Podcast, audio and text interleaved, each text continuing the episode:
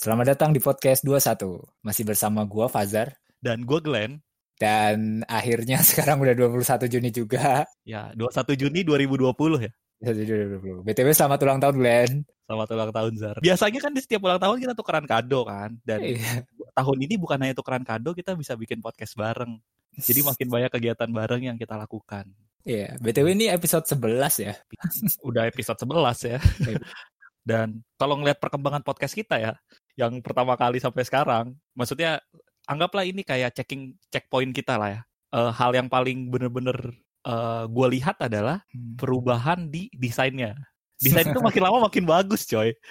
Yang dari pertama kita logonya aja malu bahkan kita iya.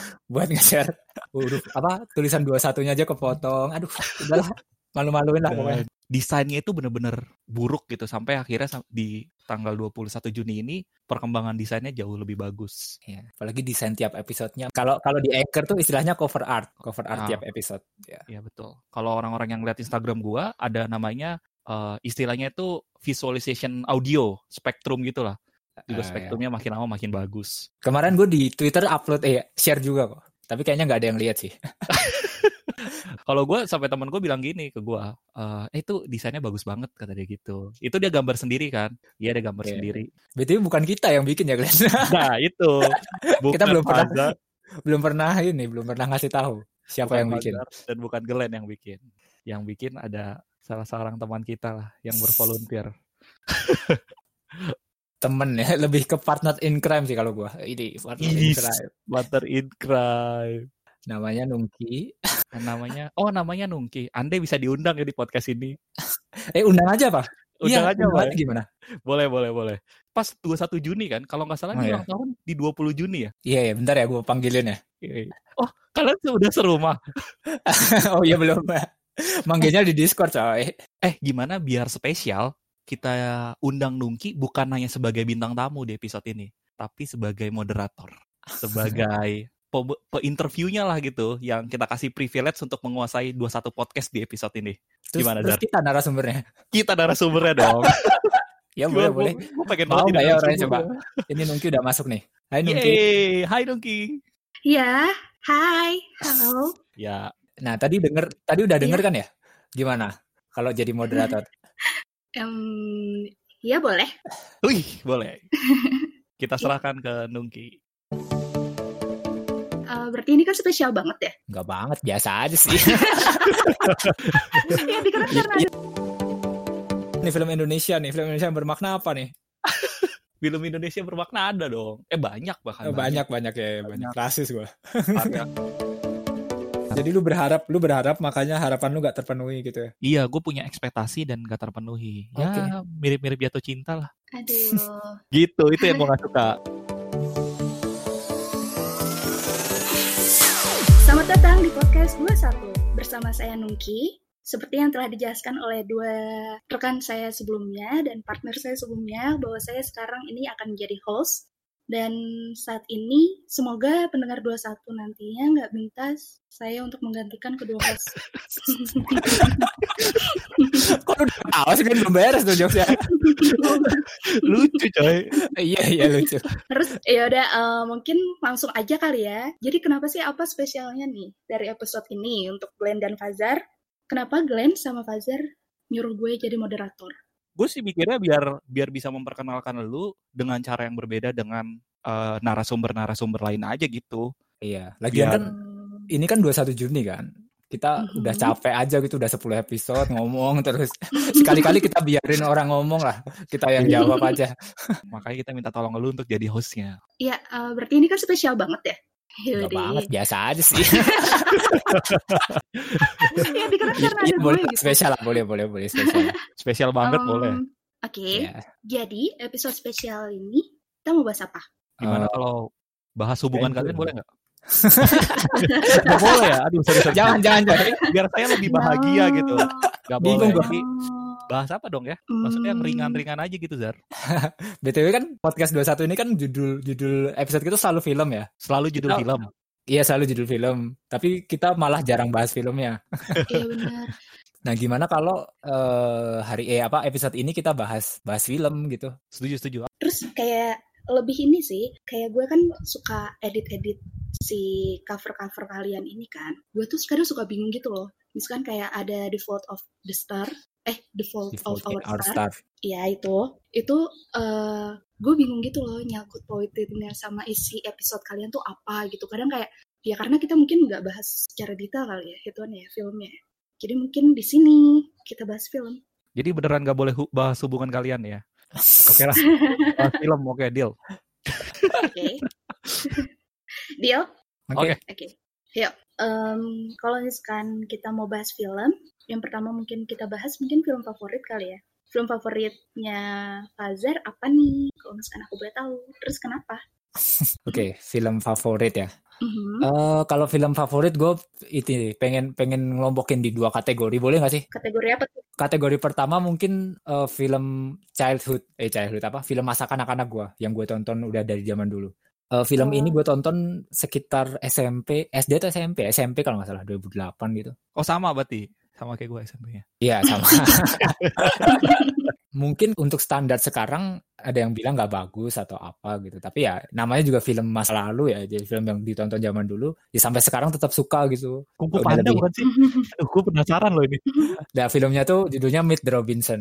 Kalian Meet udah ada yang pernah nonton gak sih? Gue belum sih. Kalau gue udah, soalnya waktu itu tuh kalau nggak salah kan gue pernah nonton sama Fazer tuh Onward yang baru-baru aja tampil gitu loh ditayangin. Oh iya. Terus abis itu dia tuh Oh. sempet cerita gitu Glenn waktu itu kayak ih kayaknya hmm, agak kurang gimana gitu ya dibandingkan ada film Meet the Robinson gitu waktu itu. Nah, ya, terus kamu kayak- tonton ya? Iya akhirnya aku tonton terus iya mayan kok. Tapi kalau misalkan aku udah tonton itu tuh ya dia tuh beneran kayak ngena sih dia untuk eh, kayak keep moving forward mulu gitu. Iya, itu paling Iya nggak apa catchphrase yang paling aku suka dari filmnya sih. Iya. Keep moving forward. Jadi itu itu ceritanya tentang anak eh, yatim piatu ya, yang dulu di dulu di apa namanya? dimasukin ke Diadopsi. panti asuhan sama sama ibu kandungnya ceritanya. Nah, jadi terus oh, oh, si bocahnya ini jenius apa pinter banget gitu bocah jenius gitu terus dia bikin bisa bikin eh, peralatan-peralatan gitu kan nah dia Oh, Hmm. di berarti suatu titik dia pengen ketemu animasi. sama Oh berarti film animasi Iya, film Iya, animasi, film film animasi animasi. Oh, kan saya- film masa kecil kan Anda tidak bilang kan Oh iya, masa betul. kecil. film masa kecil sekarang azab loh. Banyak anak-anak sekarang cerita film masa kecil dia judulnya apa? Apa tuh? rupanya ibuku adalah istri dari pamanku. gitu.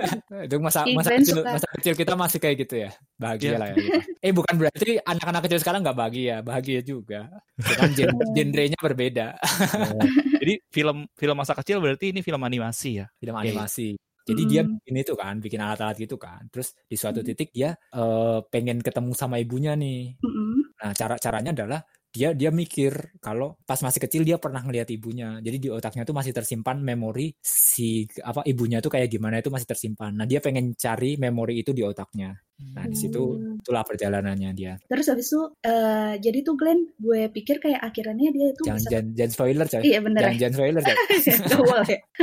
itu tapi bagus tau. Ayo ada ada. jadi ada bagian yang aku ceritain nih jadi ini ini setelah itu ini filmnya itu film pertama gue tentang time travel jadi konsep Iya, betul. konsep, konsep time travel tuh gue belajar dari film ini Oh, I see, I Iya. see.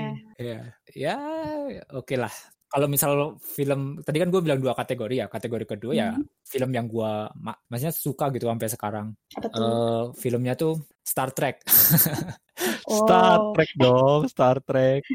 Kenapa Star Trek? apa ya Star Trek, Star Trek, Star Trek itu beda dengan Star Wars dong. Iya Beda, betul. beda. Itu tuh yang pingin gue tanya. Apa bedanya sih? Beda banget, Beda banget ya. beda banget. beda beda franchise gimana, yang gimana? pertama yang jelas Oke. Terus terus. yang kedua jadi gini sebenarnya gini gue kan nggak pernah nonton Star Wars nih sebelumnya kan Mm-mm. Nah, untuk Mm-mm. persiapan podcast ini, ya gue ya udahlah gue paksain nonton Star Wars. Tapi gue nggak Oh. mau nonton, gue tetap nggak mau nonton film lamanya.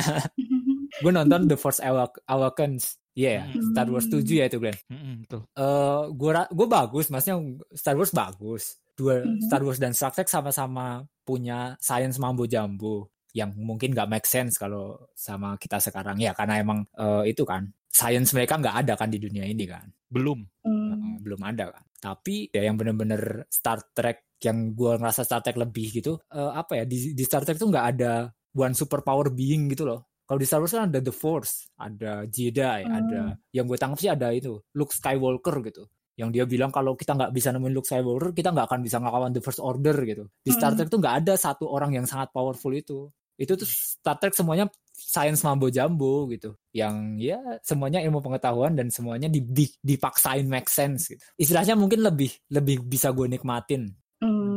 Ya. Mungkin bahasa sains mambo jambu itu kayak pakai pakai jadi science fiction aja kali Zar. Sains mambo jambu tuh istilah yang aneh. Eh, Uh, kayak ini science tapi belum ada gitu. Ya oke. Jadi kayak lebih lebih bisa lo nikmatin gitu ya. Ya Uh, itu sih uh-uh. konflik dan penyelesaiannya. Ya, dan kalau disuruh milih ya antara Star Trek atau Matt Robinson, gue lebih milih Star Trek karena itu franchise bukan satu film doang. Jadi filmnya kan banyak tuh Star Trek. Dan gue Ya, ya. gue jujur nggak pernah nggak pernah nonton Star Trek yang tahun 60 atau 70-an karena emang ya gue anak masa kini gitu nggak bisa nonton film dengan gambar kayak gitu. Cuman itu gue tetap menikmatin gitu walaupun gue nggak nonton film lama gitu sih. Hmm. Jadi kalau ada yang mau nonton Star Trek mulai mau nonton Star Trek mungkin nggak apa-apa nggak usah nonton yang film 60 70-an. dimulainya sama- dari Bisa dimulai dari film terus yang tahun 2009 Star Trek pertama. Oh. Ya Oh. gitu sih. Udah sih gue itu aja sih dua itu kalau yang gue suka ya. kalau Glenn Kalau Glenn, gue ada tiga kategori. Tiga. Jadi tiga kategori. Berarti ada tiga Kategori- film. Ada tiga film betul. Ada tiga film Oke. di. Jadi Gue suka semua film pada dasarnya gue suka nonton film dari mulai film Korea, Hollywood, Mhm. animasi, anime Jepang, bokep, pokoknya semua gue suka lah. Tapi intinya gue suka film yang yang memiliki makna setelah menonton filmnya gitu. Jadi kita bisa ngambil sesuatu yang bisa kita terapkan dalam kehidupan kita gitu. oh, Kalau boleh pilih tiga kategori dan tiga fil- film terbaik dalam kategori itu, eh ya, film itu adalah eh, eh kategori kategorinya adalah film Indonesia, film Hollywood sama film animasi gitu. Hmm, Oke. oh, menarik. Gue gue bahas dari film yang mana ya? Animasi animasi. Saya tadi kan Fazer udah bilang animasi. Boleh boleh animasi oke. dulu animasi dulu. Ya, animasi ya. Jadi Lanjut. film animasi terbaik saya itu adalah Up. Oh, up. Oh, Oke. Oke oke oke oke. Itu Eh, sedih. di film Up Gimana, itu Mhm. itu kisah cinta terbaik dalam 10 menit pertama mungkin atau lima menit pertama ya. Jadi lima menit Mhm. pertamanya itu menceritakan kisah cinta yang luar biasa dari seorang laki-laki dan perempuan. Bukan kisah cinta yang menye-menye, tapi bagaimana cinta Hmm. dari kegoblokan masa kecil ke ho- hobi i- bertumbuh dewasa menjadi tua bersama dan akhirnya salah satunya meninggalkan yang lainnya gitu. Jadi kalau bahkan Hmm. lu nonton 10 menit pertama lu akan bisa mengagumi kisah cintanya gitu. Dan sepanjang Hmm. ceritanya, sisa ceritanya itu punya perjalanan apa ya, penjelajahan yang menarik tentang sebuah pencapaian mimpi, bukan mimpinya tapi mimpi dia dan pasangannya yang udah meninggal itu. Jadi itu bagus banget lah. Jadi film Up itu bener-bener kalau gue bisa rekomendasiin film Disney, gue akan ngasih Up. Yes. Kayak yang gue lihat juga tuh Keren lah. banyak ya kayak banyak orang tuh ini loh kayak ingin mengikuti si up itu kayak rumahnya itu ada di ujung inian apa sih itu kayak apa Air ujung terjun. gunung. iya dekat air terjun kayak gitu gitu kan kayak wow Oh banyak yang yang ngikutin di dunia nyata iya. ya? Oh, Iya. gua nggak ada tahu. juga loh yang inian Oh, yang gue lihat sih kalau misalkan dari berita yang dari Crazy internet. Rich Hollywood gitu ya Crazy Rich. Crazy Rich Hollywood. baby Oke lanjut ya ngomongin Hollywood berarti pembahasan keduanya film aduh, Hollywood terbaik menurut gua dan Hmm. film Hollywood terbaik itu agak anti mainstream sih mungkin kalian berdua juga belum pernah denger itu Front of the Class itu nah, Hmm. kisah oh itu ceritanya gimana Glenn nah kisah Front of the Class itu adalah kisah seorang guru yang mengalami disabilitas Eh, disabilitas artinya dia memiliki kekurangan yaitu dia punya Tourette syndrome. Tourette syndrome itu kalau yang maksudnya lagi denger coba search di Mhm. Google-nya. Kalau Google itu ada di Play Store kalau nggak ada di Play Store HP Anda.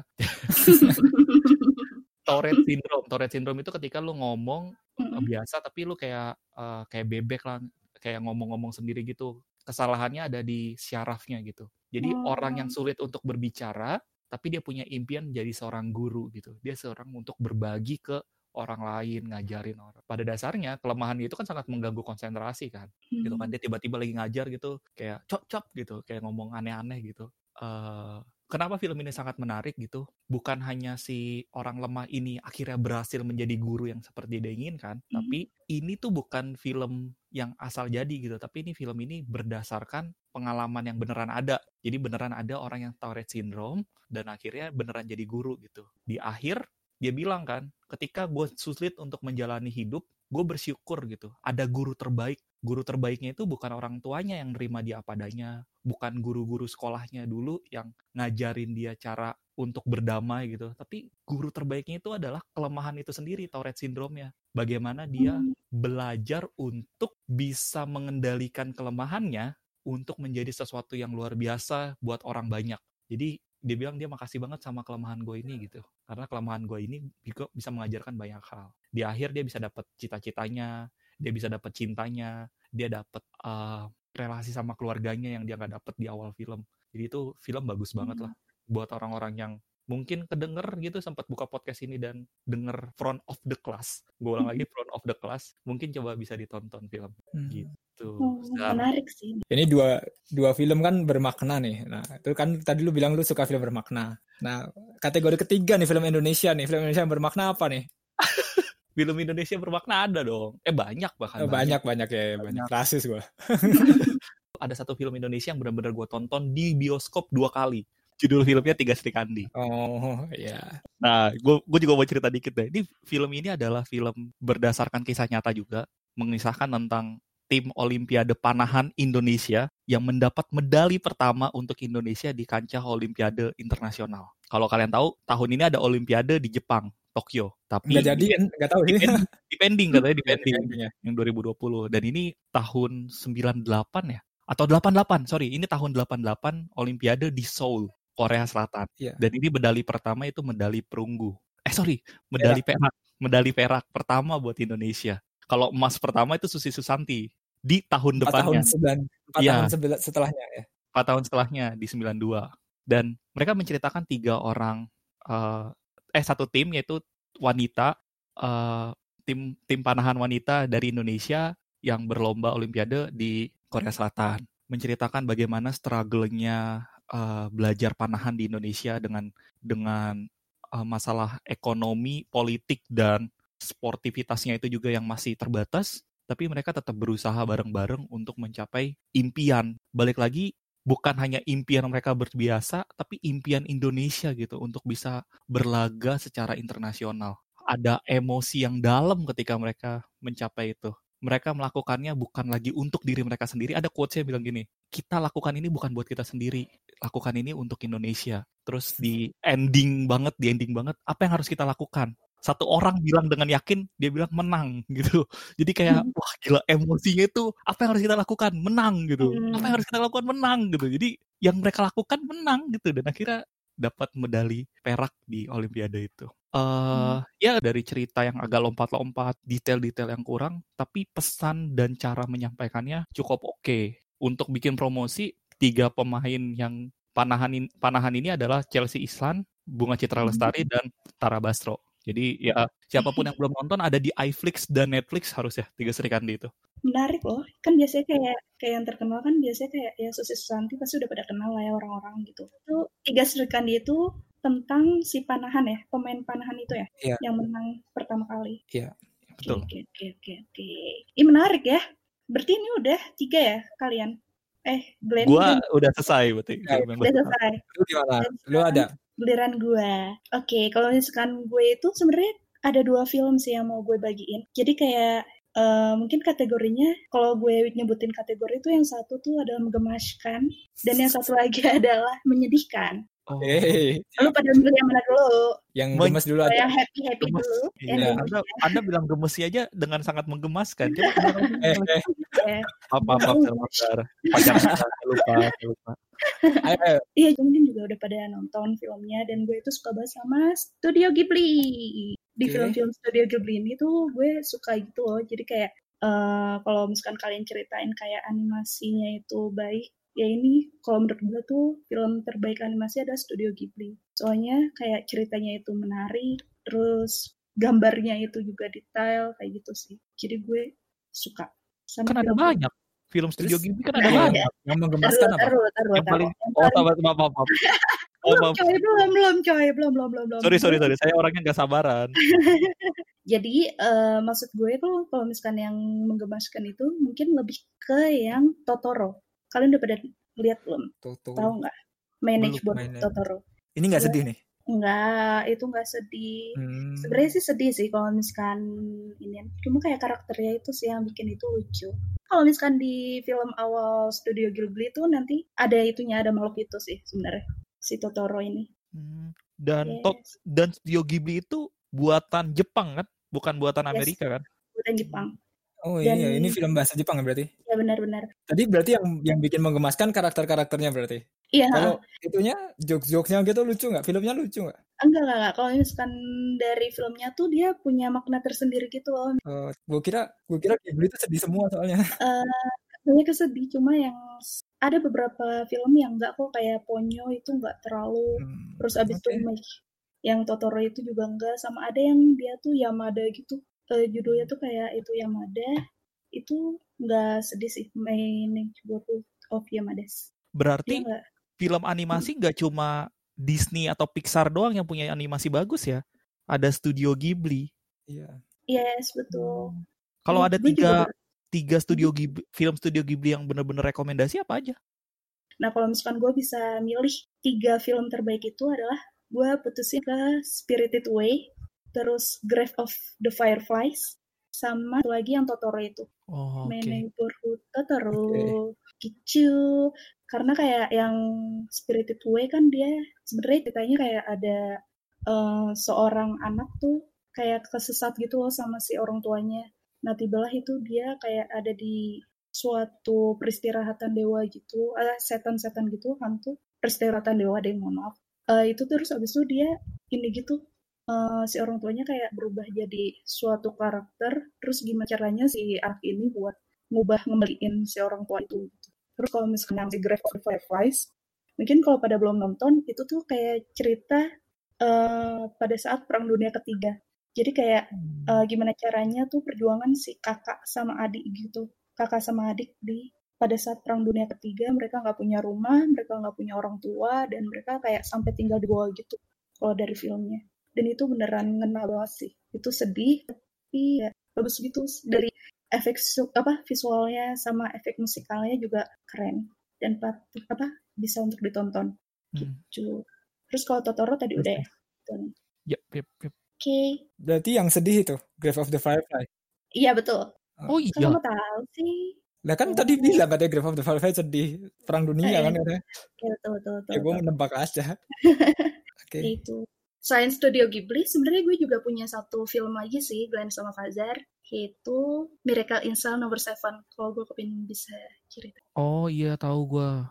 oh lo tahu Miracle apa? Miracle in Cell. Miracle in Cell Number Seven Drama Oke. drama Korea ya? Oh sorry sorry. Iya, iya, Film drama Korea ya? Film Iya, Korea film ya? Korea. Nah, kenapa gue suka? Karena film ini tuh entah kenapa bisa bikin nangis gitu loh. Nangis, ketawa, nangis gitu. Setiap apa setiap filmnya gitu. Jadi pas awalnya gue kayak udah ketemu apa kayak bisa nangis sedikit terus nah itu pas akhir-akhir tuh bikin moodnya itu berantakan gitu. Iya. Ya, dan ceritanya itu yang mungkin Glenn juga udah tahu kayak dia tuh menceritakan tentang hubungan anak dan ayah gitu. Nah, si ayahnya ini sama seperti tadi yang front of the class ya Glenn. Apa? Iya. filmnya tadi. Nah itu dia tuh ayahnya ini tuh berketerbelakangan mental gitu. Nah setiap hari si ayah sama anaknya ini, anaknya perempuan, dia tuh suka ngeliatin eh, toko gitu yang berharap disabilitas. Nah tapi tiba waktunya tuh ada anak komisaris polisi gitu, dia itu em, kayak terbunuh gitu. Nah si bapaknya ini dilalah tuh jadi dituduh gitu membunuh dan juga melakukan tindakan asusila sehingga dia itu eh, apa terjeblos penjara kayak gitu terus jadi kayak sedih gitu loh Intinya dia nggak ngebunuh tapi di disuspek jadi pembunuh gitu. iya ah, betul betul betul Hmm. sampai pada akhirnya tuh dia tuh eh ini agak spoiler nggak sih Jangan jangan jangan jangan jangan nggak usah. spoiler. Pada akhirnya. Tapi di akhir itu kasih emosi sangat sedih. iya oke berarti udah semua ya kita jelasin yang si film favorit nah kalau ada film favorit berarti ada film gak favorit dong ya nggak nah coba deh list yang film paling tidak favorit untuk Fazar gimana atau kalian dulu bebas Gue udah duluan tadi, Fazer dong. oke Tadi gue duluan coy. Tadi gimana iya duluan, lu? gua gua gua, gua berarti gua. Gimana? Sorry sorry. gara-gara ada tiga nih gimana gimana Eh, aduh, saya ada tiga film juga nih yang gak saya nggak suka. Oke, nggak apa-apa. oh iya gak apa-apa Nah. siapa tahu Pertama yang pengen saya ceritain itu La La Land. Nah, La La Land. La La Land Lu nggak suka La La Land? La La Land. Oke. Jadi gini gini. Kenapa La La Land? Karena La La Land itu menurut gua over value. Istilahnya orang-orang itu melihat itu terlalu bagus. Gua ngebahas dari gua seorang pencinta film ya. Kalau ngomongin tentang visualnya, La La tuh punya visual yang benar-benar memanjakan mata dan akhirnya menarik dan akhirnya ada kesan romantis di film tersebut. Tapi kalau ngelihat jalan ceritanya, mereka itu punya uh, jalan cerita yang enggak tebel-tebel banget gitu. Kayak istilah anak-anak sekarang itu kentang kena tanggung gitu. Maksudnya hmm. mereka itu enggak sedih-sedih banget enggak seneng-seneng banget kayak nanggung-nanggung aja gitu. Gua nggak nonton ini di bioskop tapi gue mikir gua nggak bakal mau beli tiket untuk nonton ini gitu. Nah film kedua nih ini belum gue tonton di bioskop juga. Judulnya Unicorn Store. Ada yang tahu nggak Unicorn Store? Belum belum. Itu apa nah, ya jangan ditonton lah saya nggak suka soalnya jadi ya kenapa lo gak suka gitu? Unicorn Store ini ada di hmm. Netflix. Ini film original Netflix. Yang main hmm. itu uh, Samuel L. Jackson dan Brie hmm. Larson. Kalau okay. kalian tahu, Captain Marvel. Ya, Captain Marvel banget. Dua-duanya main di Captain Marvel. Mereka itu kayak pasangan di Captain Marvel. Gue nonton di Unicorn Store karena gue penonton di Captain Marvel. Dua-duanya keren, dua-duanya punya cerita yang bagus gitu. Mereka berdua main bareng lagi di Unicorn Store ceritanya biasa aja, aneh, absurd. Gue nonton dua jam gitu di Netflix gitu, anjing gue ngapain ngabisin dua jam gue di sini ya? Gitu, jadi kayak nggak punya makna, jalur ceritanya aneh, uh, endingnya jelek, visualnya biasa aja gitu. Kayak sayang banget gitu mereka berdua tokoh tokoh-tokoh yang luar biasa tapi malah jadi jelek uh, di di situ gitu. Oke. Nah, film terakhir yang gue bayar nonton di bioskop dan gue menyesal sangat menyesal adalah film Perempuan Tanah Jahanam. Ya, gue tadi. Kenapa? Ya. Tapi banyak yang gua, bilang oke. Okay. Gue ya gue bilang banyak film Indonesia yang bagus. Tapi mm -hmm. untuk Perempuan Tanah Jahanam ada ekspektasi gue yang dirusak oleh si Joko Anwar. Gue berharap Perempuan Tanah Jahanam itu kita datang nih, gue sama teman-teman gue datang. Gue berharap ini adalah kelanjutan dari. Uh, pengabdi setan betul. Rupanya okay. ini nggak ada hubungannya sama sekali sama pengabdi setan. Gitu ya to, pemainnya sama semua nih. Dia punya tra trailer yang gak jelas. Gue kira kan hmm. mirip dong. Ah oh, lanjutan nih. Rupanya hmm. nggak ada nggak ada hubungan sama sekali gitu. Dan kisah seremnya lumayan tapi penyelesaiannya juga agak aneh sih gitu. Dan gue kan bayar gue ngisiin waktu pulang lebih malam ke rumah dan gak nonton sama cewek cantik karena prinsip nonton film gua adalah gak penting nonton film apa, yang penting nonton sama siapa. Oke. Okay. Tapi lu suka Pengabdi Setan? Suka, gue suka banget sama Pengabdi iya, Setan. Jadi lu berharap, lu berharap makanya harapan lu gak terpenuhi gitu ya? Iya, gue punya ekspektasi dan gak terpenuhi. Ya mirip-mirip jatuh cinta lah. Aduh. gitu, itu yang gue gak suka kalau itu. Tapi kalau uh, bicara si perempuan tanah jahanam tadi ya, berarti itu agak relate juga sama film yang gak gue suka sebenarnya. Oh, boleh boleh. Lu eh, okay. film yang gak suka apa? Jadi tuh uh, gue bilang relate itu karena kayak film yang gak gue suka adalah Gundala. Jadi Gundala sih. Gundala yeah. bagus banget. No. ya udah, ya udah, ya udah, udah. Lo harus dengerin dulu kata-kata gue, Glenn. Jadi kan waktu itu tuh gue juga uh, nonton. Eh, ini bisa langsung dihentiin aja nggak podcastnya? Kenapa emang? lu kalau misalkan ngomong gitu dari tadi yang lain gue udah stop Glenn. Oh iya iya benar benar.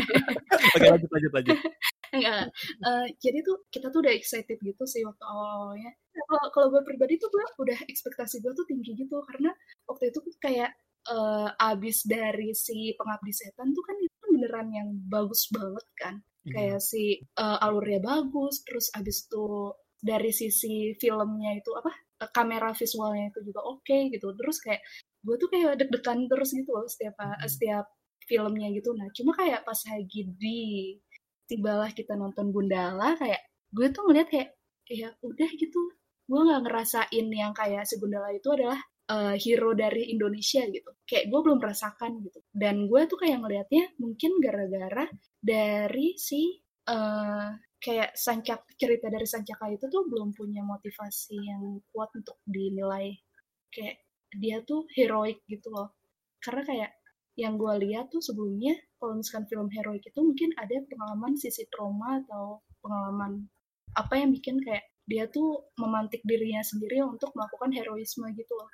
Nah cuma kalau yang dari sini kayak gue belum bisa sih untuk uh, merasakan gitu loh kalau Gundala itu benar-benar pahlawan atau emang gara-gara gue emang belum siap menerima hero Indonesia tuh ya gue nggak tahu kenapa. Terus habis itu kayak dia terlalu banyak karakternya gitu jadi kayak nggak fokus di salah satu karakter.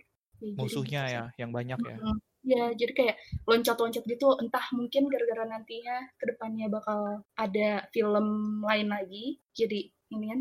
Tapi entah sih gue masih kurang oke okay sama Gundala gitu. Oke. Okay. kalau misalkan Fajar film favorit apa film tidak Tapi favorit setuju Zar sama dia Zar? Setuju setuju banget. Iya kan? Tapi gue gue bisa lebih menjelekan jadi mending gak usah di. Tapi berarti kayak gue mikir dulu apa yang bisa buat nggak terlalu jelekin tapi ya udah kayak kecewa saya sebenarnya. Kenapa oh. Gundala jelek? Karena karena dari awalnya kalau gue ya itu sih yang si pengabdi setan itu udah oke okay oh iya benar-benar ekspektasi ya benar. Balik lagi ya gitu, ekspektasi ya kan? dihancurkan. Hmm, yes oke okay, oke. okay. Oke, gimana? Ya, kalau juga kalau ngomongin ekspektasi ya, gue juga ini tuh film paling tidak favorit gue tuh adalah film yang menghancurkan gue percaya sama Oscar. Apa tuh? Jadi gue dulu gue dulu pas mulai pas mulai suka-suka nonton film gitu ya, pas mulai cari-cari film itu kan mm -hmm. salah satu hal yang bisa di apa ya kayak kayak parameter. ini, kayak, ini bagus ya parameter wah ini uh. bagus nih gitu. Nominasi Oscar hmm. dong, bagus dong. Hmm. Ap apalagi kalau film dengan nominasi terbanyak di Oscar dong. Harusnya oh, bagus itu dong. nominasi Oscar terus jelek. Gua masa gua, iya. gua juga gak setuju nih sama Fazal apa gak apa? Filmnya itu judulnya The Grand Budapest Hotel. Oh iya, jelek itu bener. Iya, iya, iya, setuju, setuju gua.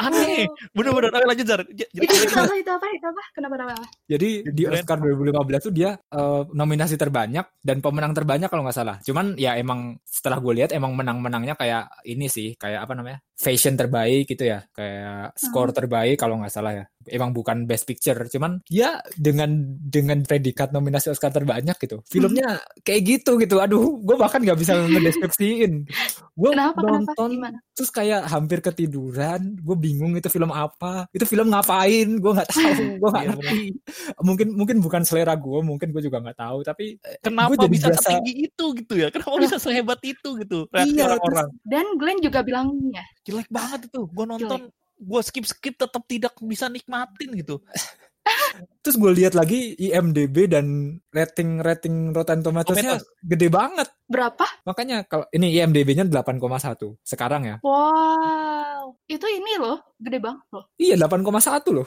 8 di atas 8 loh. Dan Rotten Tomatoes-nya 91 persen. Oh, Biasanya kalau menarik sih kalau misalkan apa? Kalau Fajar kan melihat film itu mencari itu berdasarkan nominasi Oscar tuh waktu itu terus ditonton filmnya. Karena kalau gue juga gitu sih kayak gue tuh agak jarang untuk film yang nggak disukain. Karena biasanya tuh kalau emang film itu nggak disukain tuh ya udah gue milih nggak nonton aja gitu. Dan gue tuh selalu ngelihat si film itu tuh ya berdasarkan rating atau review dulu dari orang-orang. Kalau emang nggak ngikutin dari awal ya kalau itu. Terus kalau enggak ya itu kalau ada artis yang menarik walaupun ratingnya rendah ya gue pasti tetap nonton gitu awalnya. Jadi lu menilai sebuah film jelek atau bagus parameter eh lu menganggap perkataan orang itu uh, sebagai acuan juga ya? Iya, kalau gue gitu terus, sih. Ke, terus kenapa Anda bisa menerima Fajar untuk pertama kalinya? Emang ada review bagus tentang dirinya? ya tapi kalau misalnya Fajar sebuah film mm. dan gue sebagai pereview Rotten Tomatoes dan orang yang benar-benar kenal Fajar, Fajar punya nilai yang tinggi kok. Oh ya. tapi seperti seperti Great Budapest buat sebagian orang saja emang yang bisa menikmati. Seperti film yang gak disukain Fajar dan gue kita nggak bisa nikmatin aja orang-orang yang gak kenal ini ya. Tapi kalau orang udah tahu filmnya eh, jadi bisa nikmatin betul, mungkin. Oke oke oke oke oke oke oke berarti tadi kan kita udah denger ya tuh itu film favorit dan film paling tidak favorit. Ya mungkin udah cukup kali ya? Atau ada yang mau ditambahin lagi dari Fajar atau Glenn? Udah oke okay. mantap mantap. Oke, okay. ya ternyata tuh susah juga ya jadi host di sini. Susah lah, emang ada kira gimana kayak saya setiap kali pengen host deg-degan ya. Susah ya. Ya udah, semoga pendengar 21 habis ini mau untuk menggantikan kedua host ini. Amin.